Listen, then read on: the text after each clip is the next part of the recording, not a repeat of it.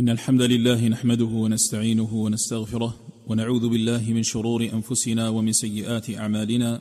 من يهده الله فلا مضل له ومن يضلل فلا هادي له. وأشهد أن لا إله إلا الله وحده لا شريك له. وأشهد أن محمدا عبده ورسوله. يا أيها الذين آمنوا اتقوا الله حق تقاته ولا تموتن إلا وأنتم مسلمون. يا أيها الناس اتقوا ربكم الذي خلقكم من نفس واحدة وخلق منها زوجها وبث منهما رجالا كثيرا ونساء واتقوا الله الذي تساءلون به والأرحام إن الله كان عليكم رقيبا. يا أيها الذين آمنوا اتقوا الله وقولوا قولا سديدا يصلح لكم أعمالكم ويغفر لكم ذنوبكم ومن يطع الله ورسوله فقد فاز فوزا عظيما. أما بعد فإن أصدق الحديث كتاب الله وخير الهدي هدي محمد صلى الله عليه وسلم وشر الأمور محدثاتها وكل محدثة بدعة وكل بدعة ضلالة وكل ضلالة في النار.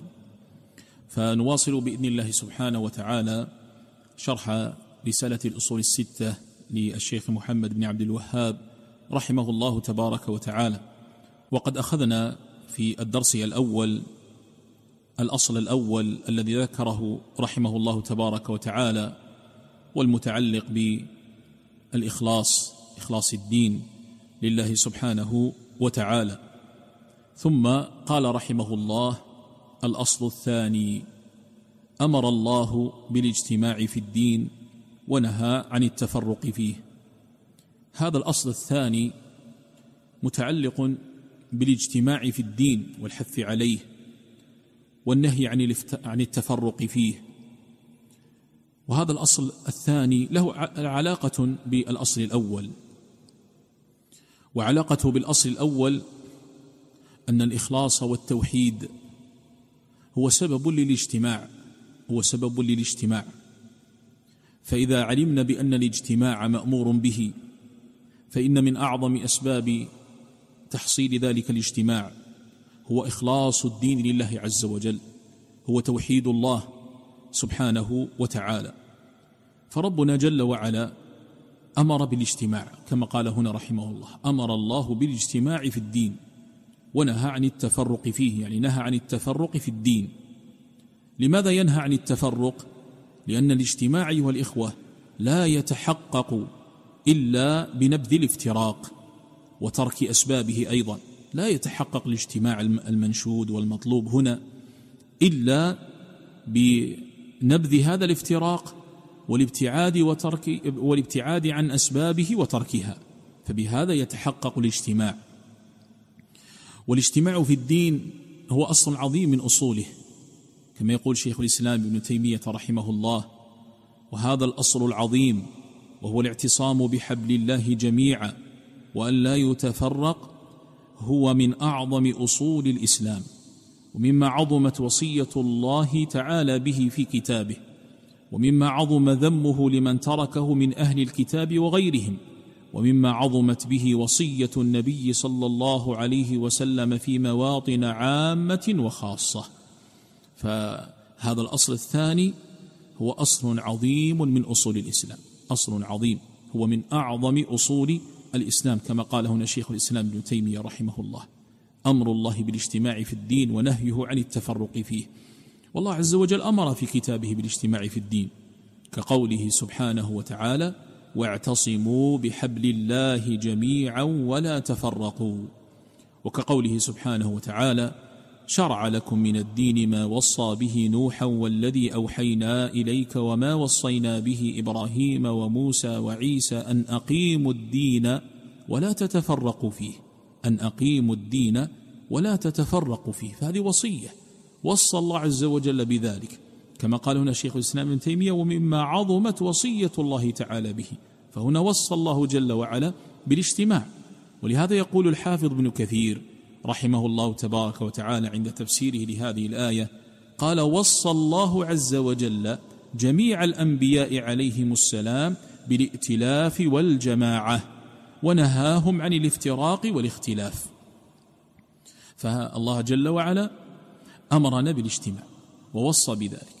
وفي مقابل هذا أيضا نهى عن الافتراق نهى عن الفرقة ونهى عن الفرقة في آيات كثيرة في كتابه سبحانه وتعالى كقوله جل وعلا ولا تكونوا كالذين تفرقوا واختلفوا من بعد ما جاءهم البينات وكقوله سبحانه وتعالى إن الذين فرقوا دينهم وكانوا شيعا لست منهم في شيء ويقول الله عز وجل أيضا وأطيعوا الله ورسوله ولا تنازعوا فتفشلوا وتذهب ريحكم. وغيرها من الآيات التي فيها النهي عن الافتراق النهي عن الافتراق وقد يكون نصا صريحا في النهي عن الافتراق.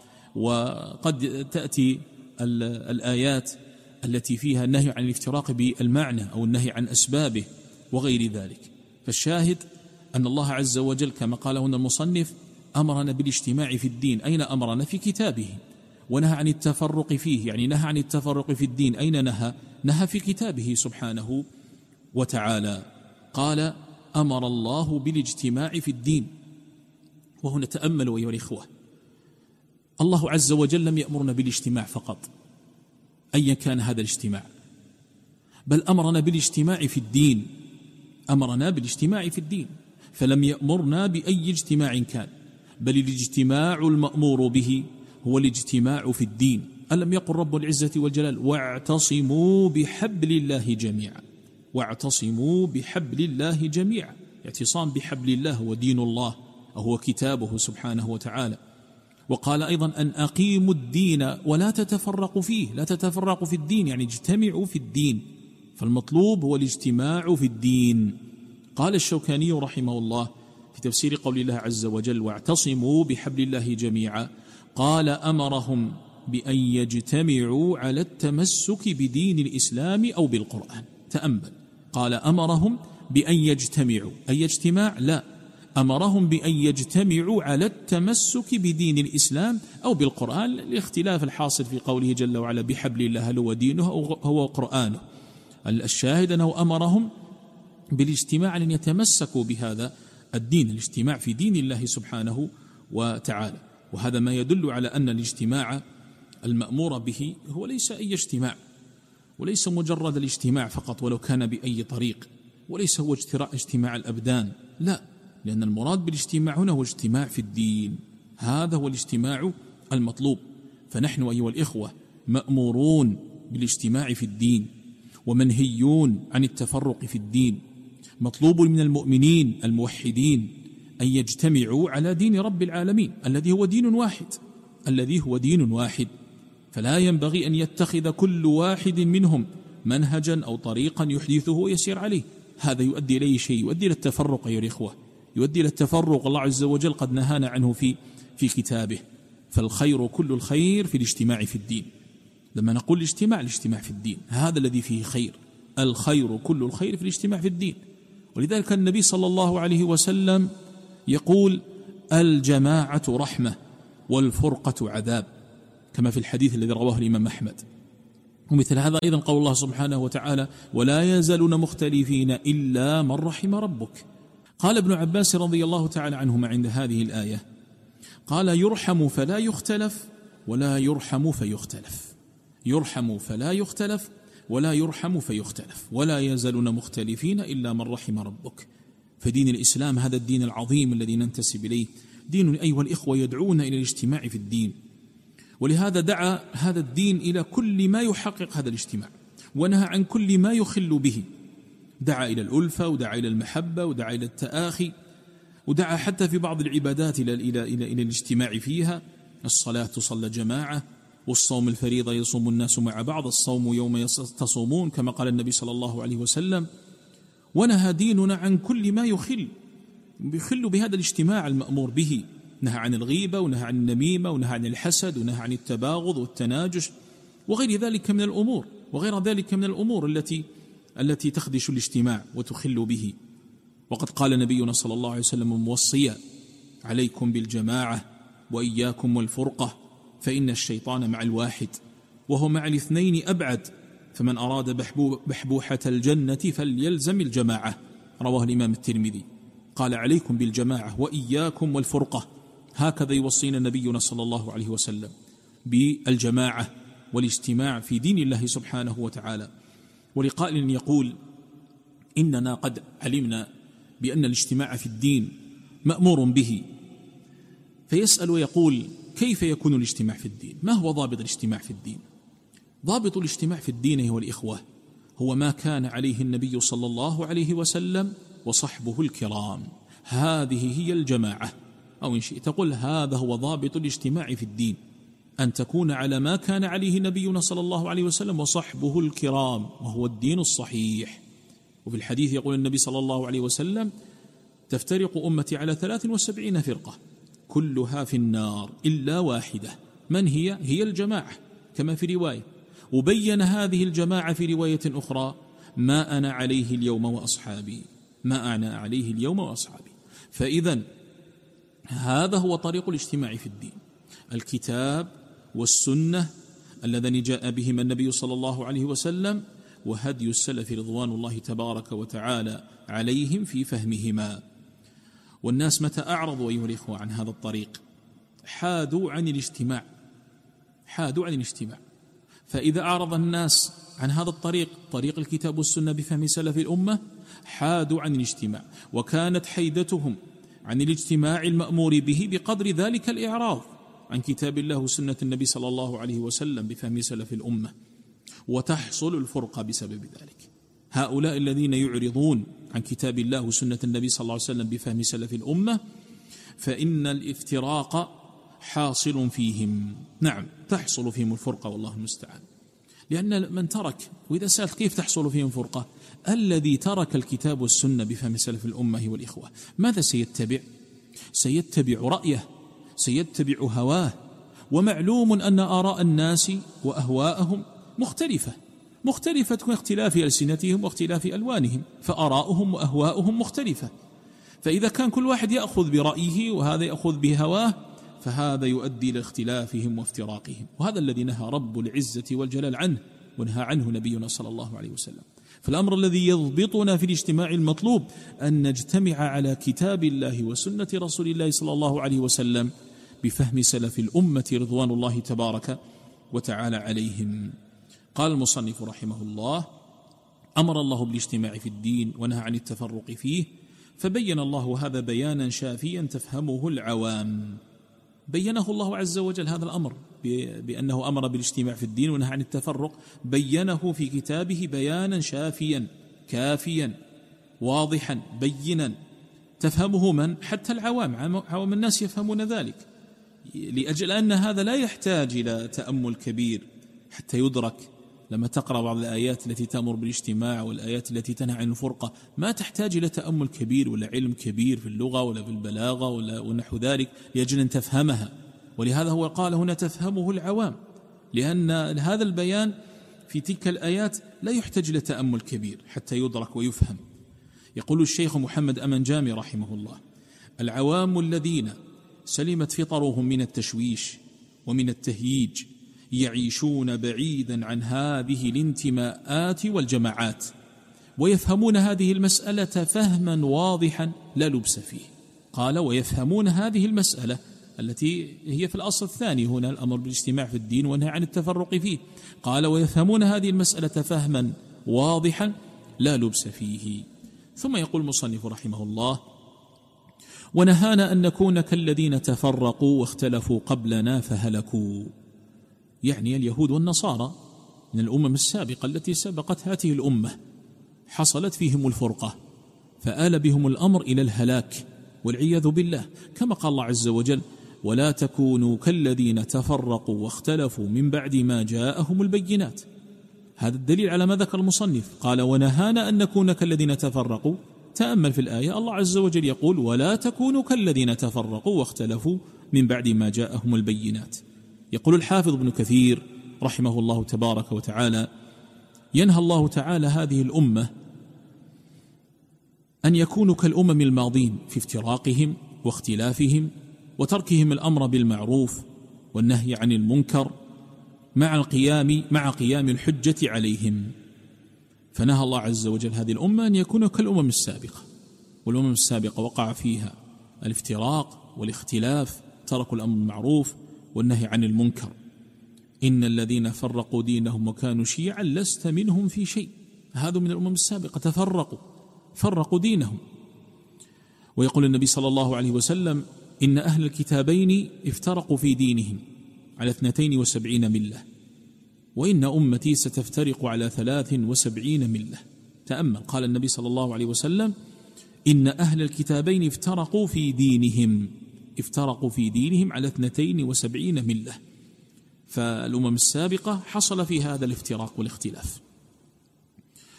وبعد ذلك هلكوا. خسروا وهلكوا.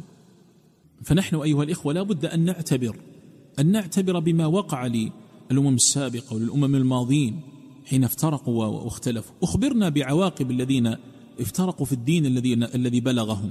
ممن قبلنا. ماذا جنوا من تفرقهم؟ ماذا ماذا جنوا من تفرقهم؟ الذي جنوه هو الخسران والهلاك. هلكوا بسبب التفرق. ولهذا المصنف قال ونهانا أن نكون كالذين تفرقوا واختلفوا قبلنا فهلكوا. وللأسف أيها الإخوة هذا أمر واقع في هذه الأمة. هذا أمر واقع في هذه الأمة الذي هو التفرق. مع أن الله عز وجل قد نهانا عن الافتراق. نهانا عن الافتراق. ولكن هذه الأمة تحذو حذو الأمم السابقة تحذو حذو اليهود والنصارى حتى في التفرق. النبي صلى الله عليه وسلم بين أن أمته ستتبع سنن اليهود والنصارى وهؤلاء وقع فيهم الاختلاف والافتراق وفي الأمة من يحذو حذوهم ويكون متسببا في هذا في, في الافتراق. فيحدث التفرق فيحدث التفرق. ماذا ننتظر بعد ذلك أيها الإخوة؟ ماذا ننتظر بعد أن تحدث هذه الفرقة والاختلاف؟ الذي نهينا عنه في كتاب ربنا وفي سنة نبينا صلى الله عليه وسلم. ماذا ننتظر؟ ننتظر ما وقع الأمم السابقة. الأمم السابقة هلكوا بسبب افتراقهم وبسبب اختلافهم. ولهذا المصنف قال فهلكوا. وهذا فيه أن التفرق سبب للهلاك. التفرق سبب للهلاك. وأعظم الهلاك هو هلاك الدين. أعظم الهلاك هو هلاك الدين والله المستعان. قال ونهانا أن نكون كالذين تفرقوا واختلفوا قبلنا. فهلكوا. قال وذكر أنه أمر المسلمين بالاجتماع في الدين ونهاهم عن التفرق فيه.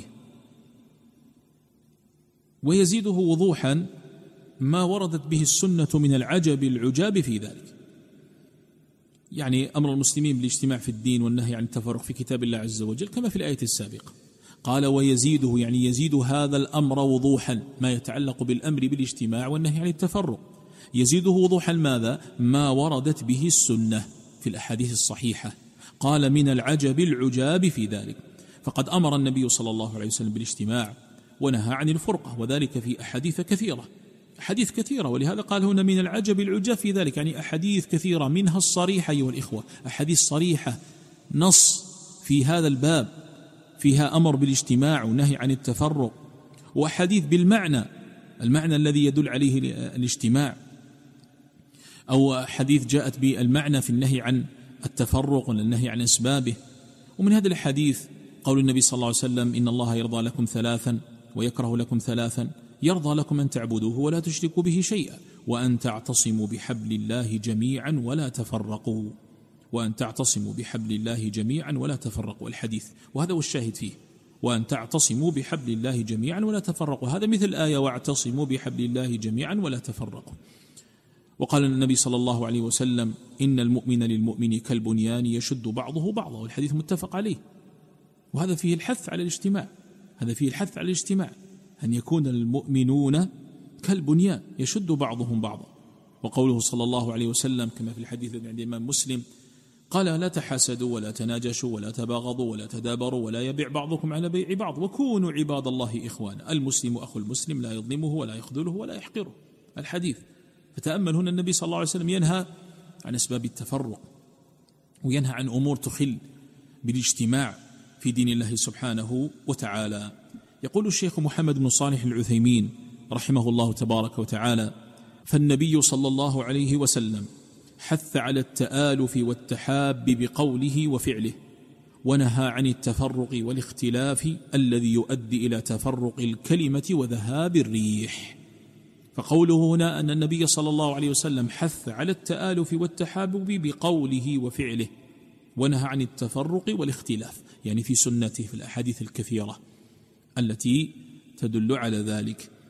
ومن العجب العجاب أيها الإخوة مع هذا البيان الواضح في الكتاب والسنة لهذا الأصل الأصيل فإن هذه الأمة تقع فيها الفرقة والنبي صلى الله عليه وسلم قد أخبر بذلك. وتفترق هذه الأمة على ثلاث وسبعين فرقة كلها في النار إلا واحدة.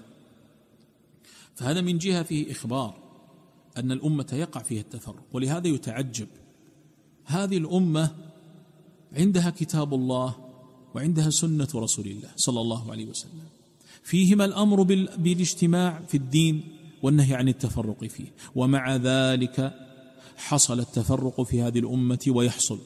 كما أخبر صلى الله عليه وسلم. هذه الأمة تفترق تفترق هذه الأمة على ثلاث وسبعين فرقة. وقوله صلى الله عليه وسلم كلها في النار إلا واحدة هذا يدل على أن التفرق ليس محبوبا عند الله ليس محبوبا عند الله لأن كل تلك الفرق في النار والعياذ بالله إلا واحدة التي هي الناجية الجماعة التي هي على ما كان عليه نبينا صلى الله عليه وسلم وصحبه الكرام رضوان الله تبارك وتعالى عليهم. فالجماعات الأخرى في النار.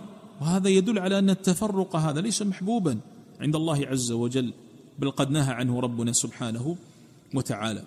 ولذلك من الواجب على المؤمن أن يكون على ما كان عليه النبي صلى الله عليه وسلم وأصحابه أن يكون كذلك عاملا وداعيا الناس أن يكون مع هذه الجماعة الواحدة هذه الجماعة المبشرة بالنجاة. قال إلا واحد عليه الصلاة والسلام وبينها من تكون.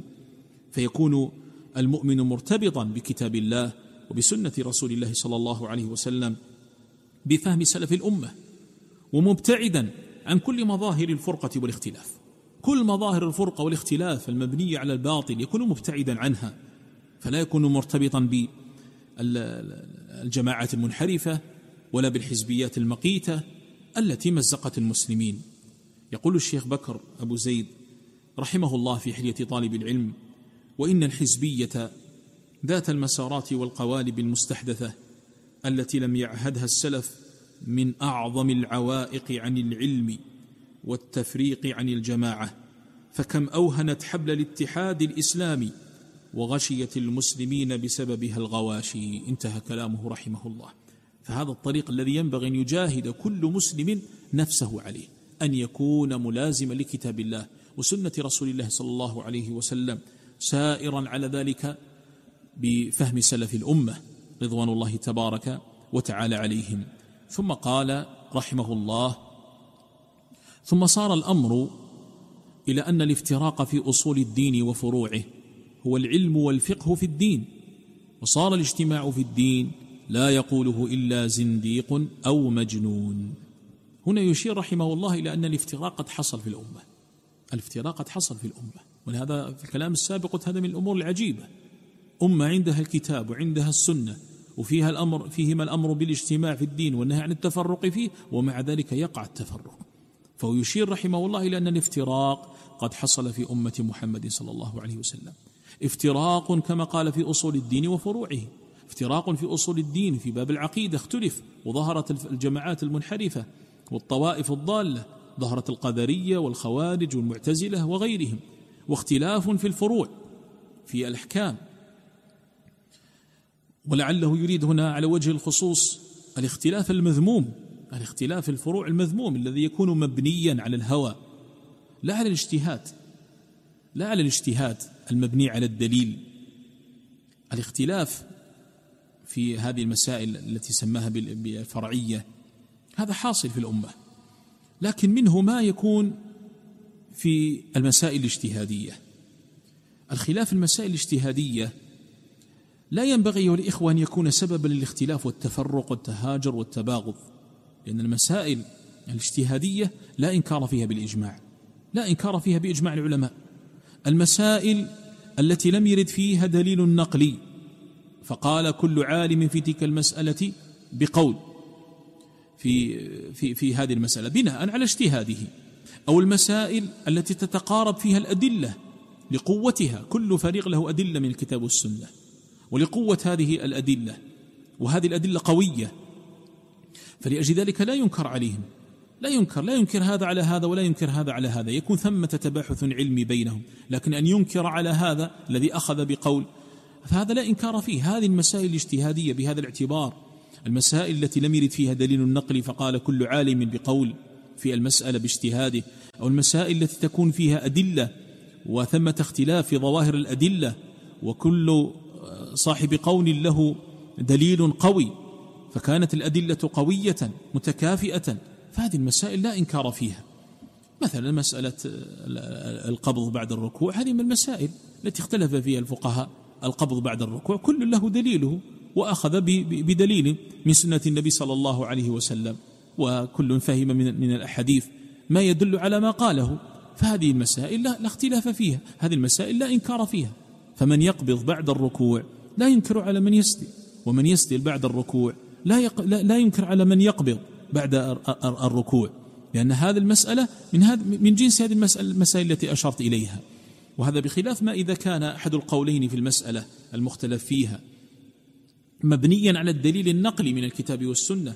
وأما القول الآخر فليس مبنيا على الدليل النقلي ليس مبنيا على الدليل النقلي بل هو يخالف الدليل النقلي. نعم هذا فيه الإنكار هذا فيه الإنكار. الذي تقول له قال رسول الله صلى الله عليه وسلم مبينا دليل هذه المسألة هو يقول لك قال فلان من العلماء. نعم هنا ينكر عليه. هذا فيه إنكار لأنه لا عبرة بالقول الذي لا يستند إلى الدليل. لا عبرة بالقول الذي لا يستند إلى الدليل. لكني أتكلم أيها الإخوة عن المسائل الاجتهادية التي الاجتهاد فيها معتبر بما أشرت إليه سابقا تكافؤ الأدلة وقوتها أو لعدم وجود الدليل النقلي فقال كل عالم باجتهاده في المسألة فهذه لا إنكار فيها. ونحن لما نتكلم عن هذا الأصل في هذا في هذه الرسالة عن أصل عظيم الاجتماع في الدين فإن المسائل الاجتهادية هي والإخوة لا ينبغي أن تكون سببا لاختلاف الفرقة المسائل الاجتهادية التي لا إنكار فيها لا ينبغي أن تكون سببا للاختلاف والفرقة.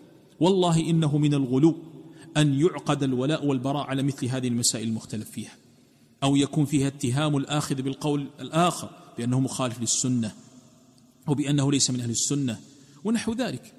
هذا الاختلاف في المسائل الاجتهادية التي لا إنكار فيها لا ينبغي والإخوة أن يكون سببا لاختلاف القلوب.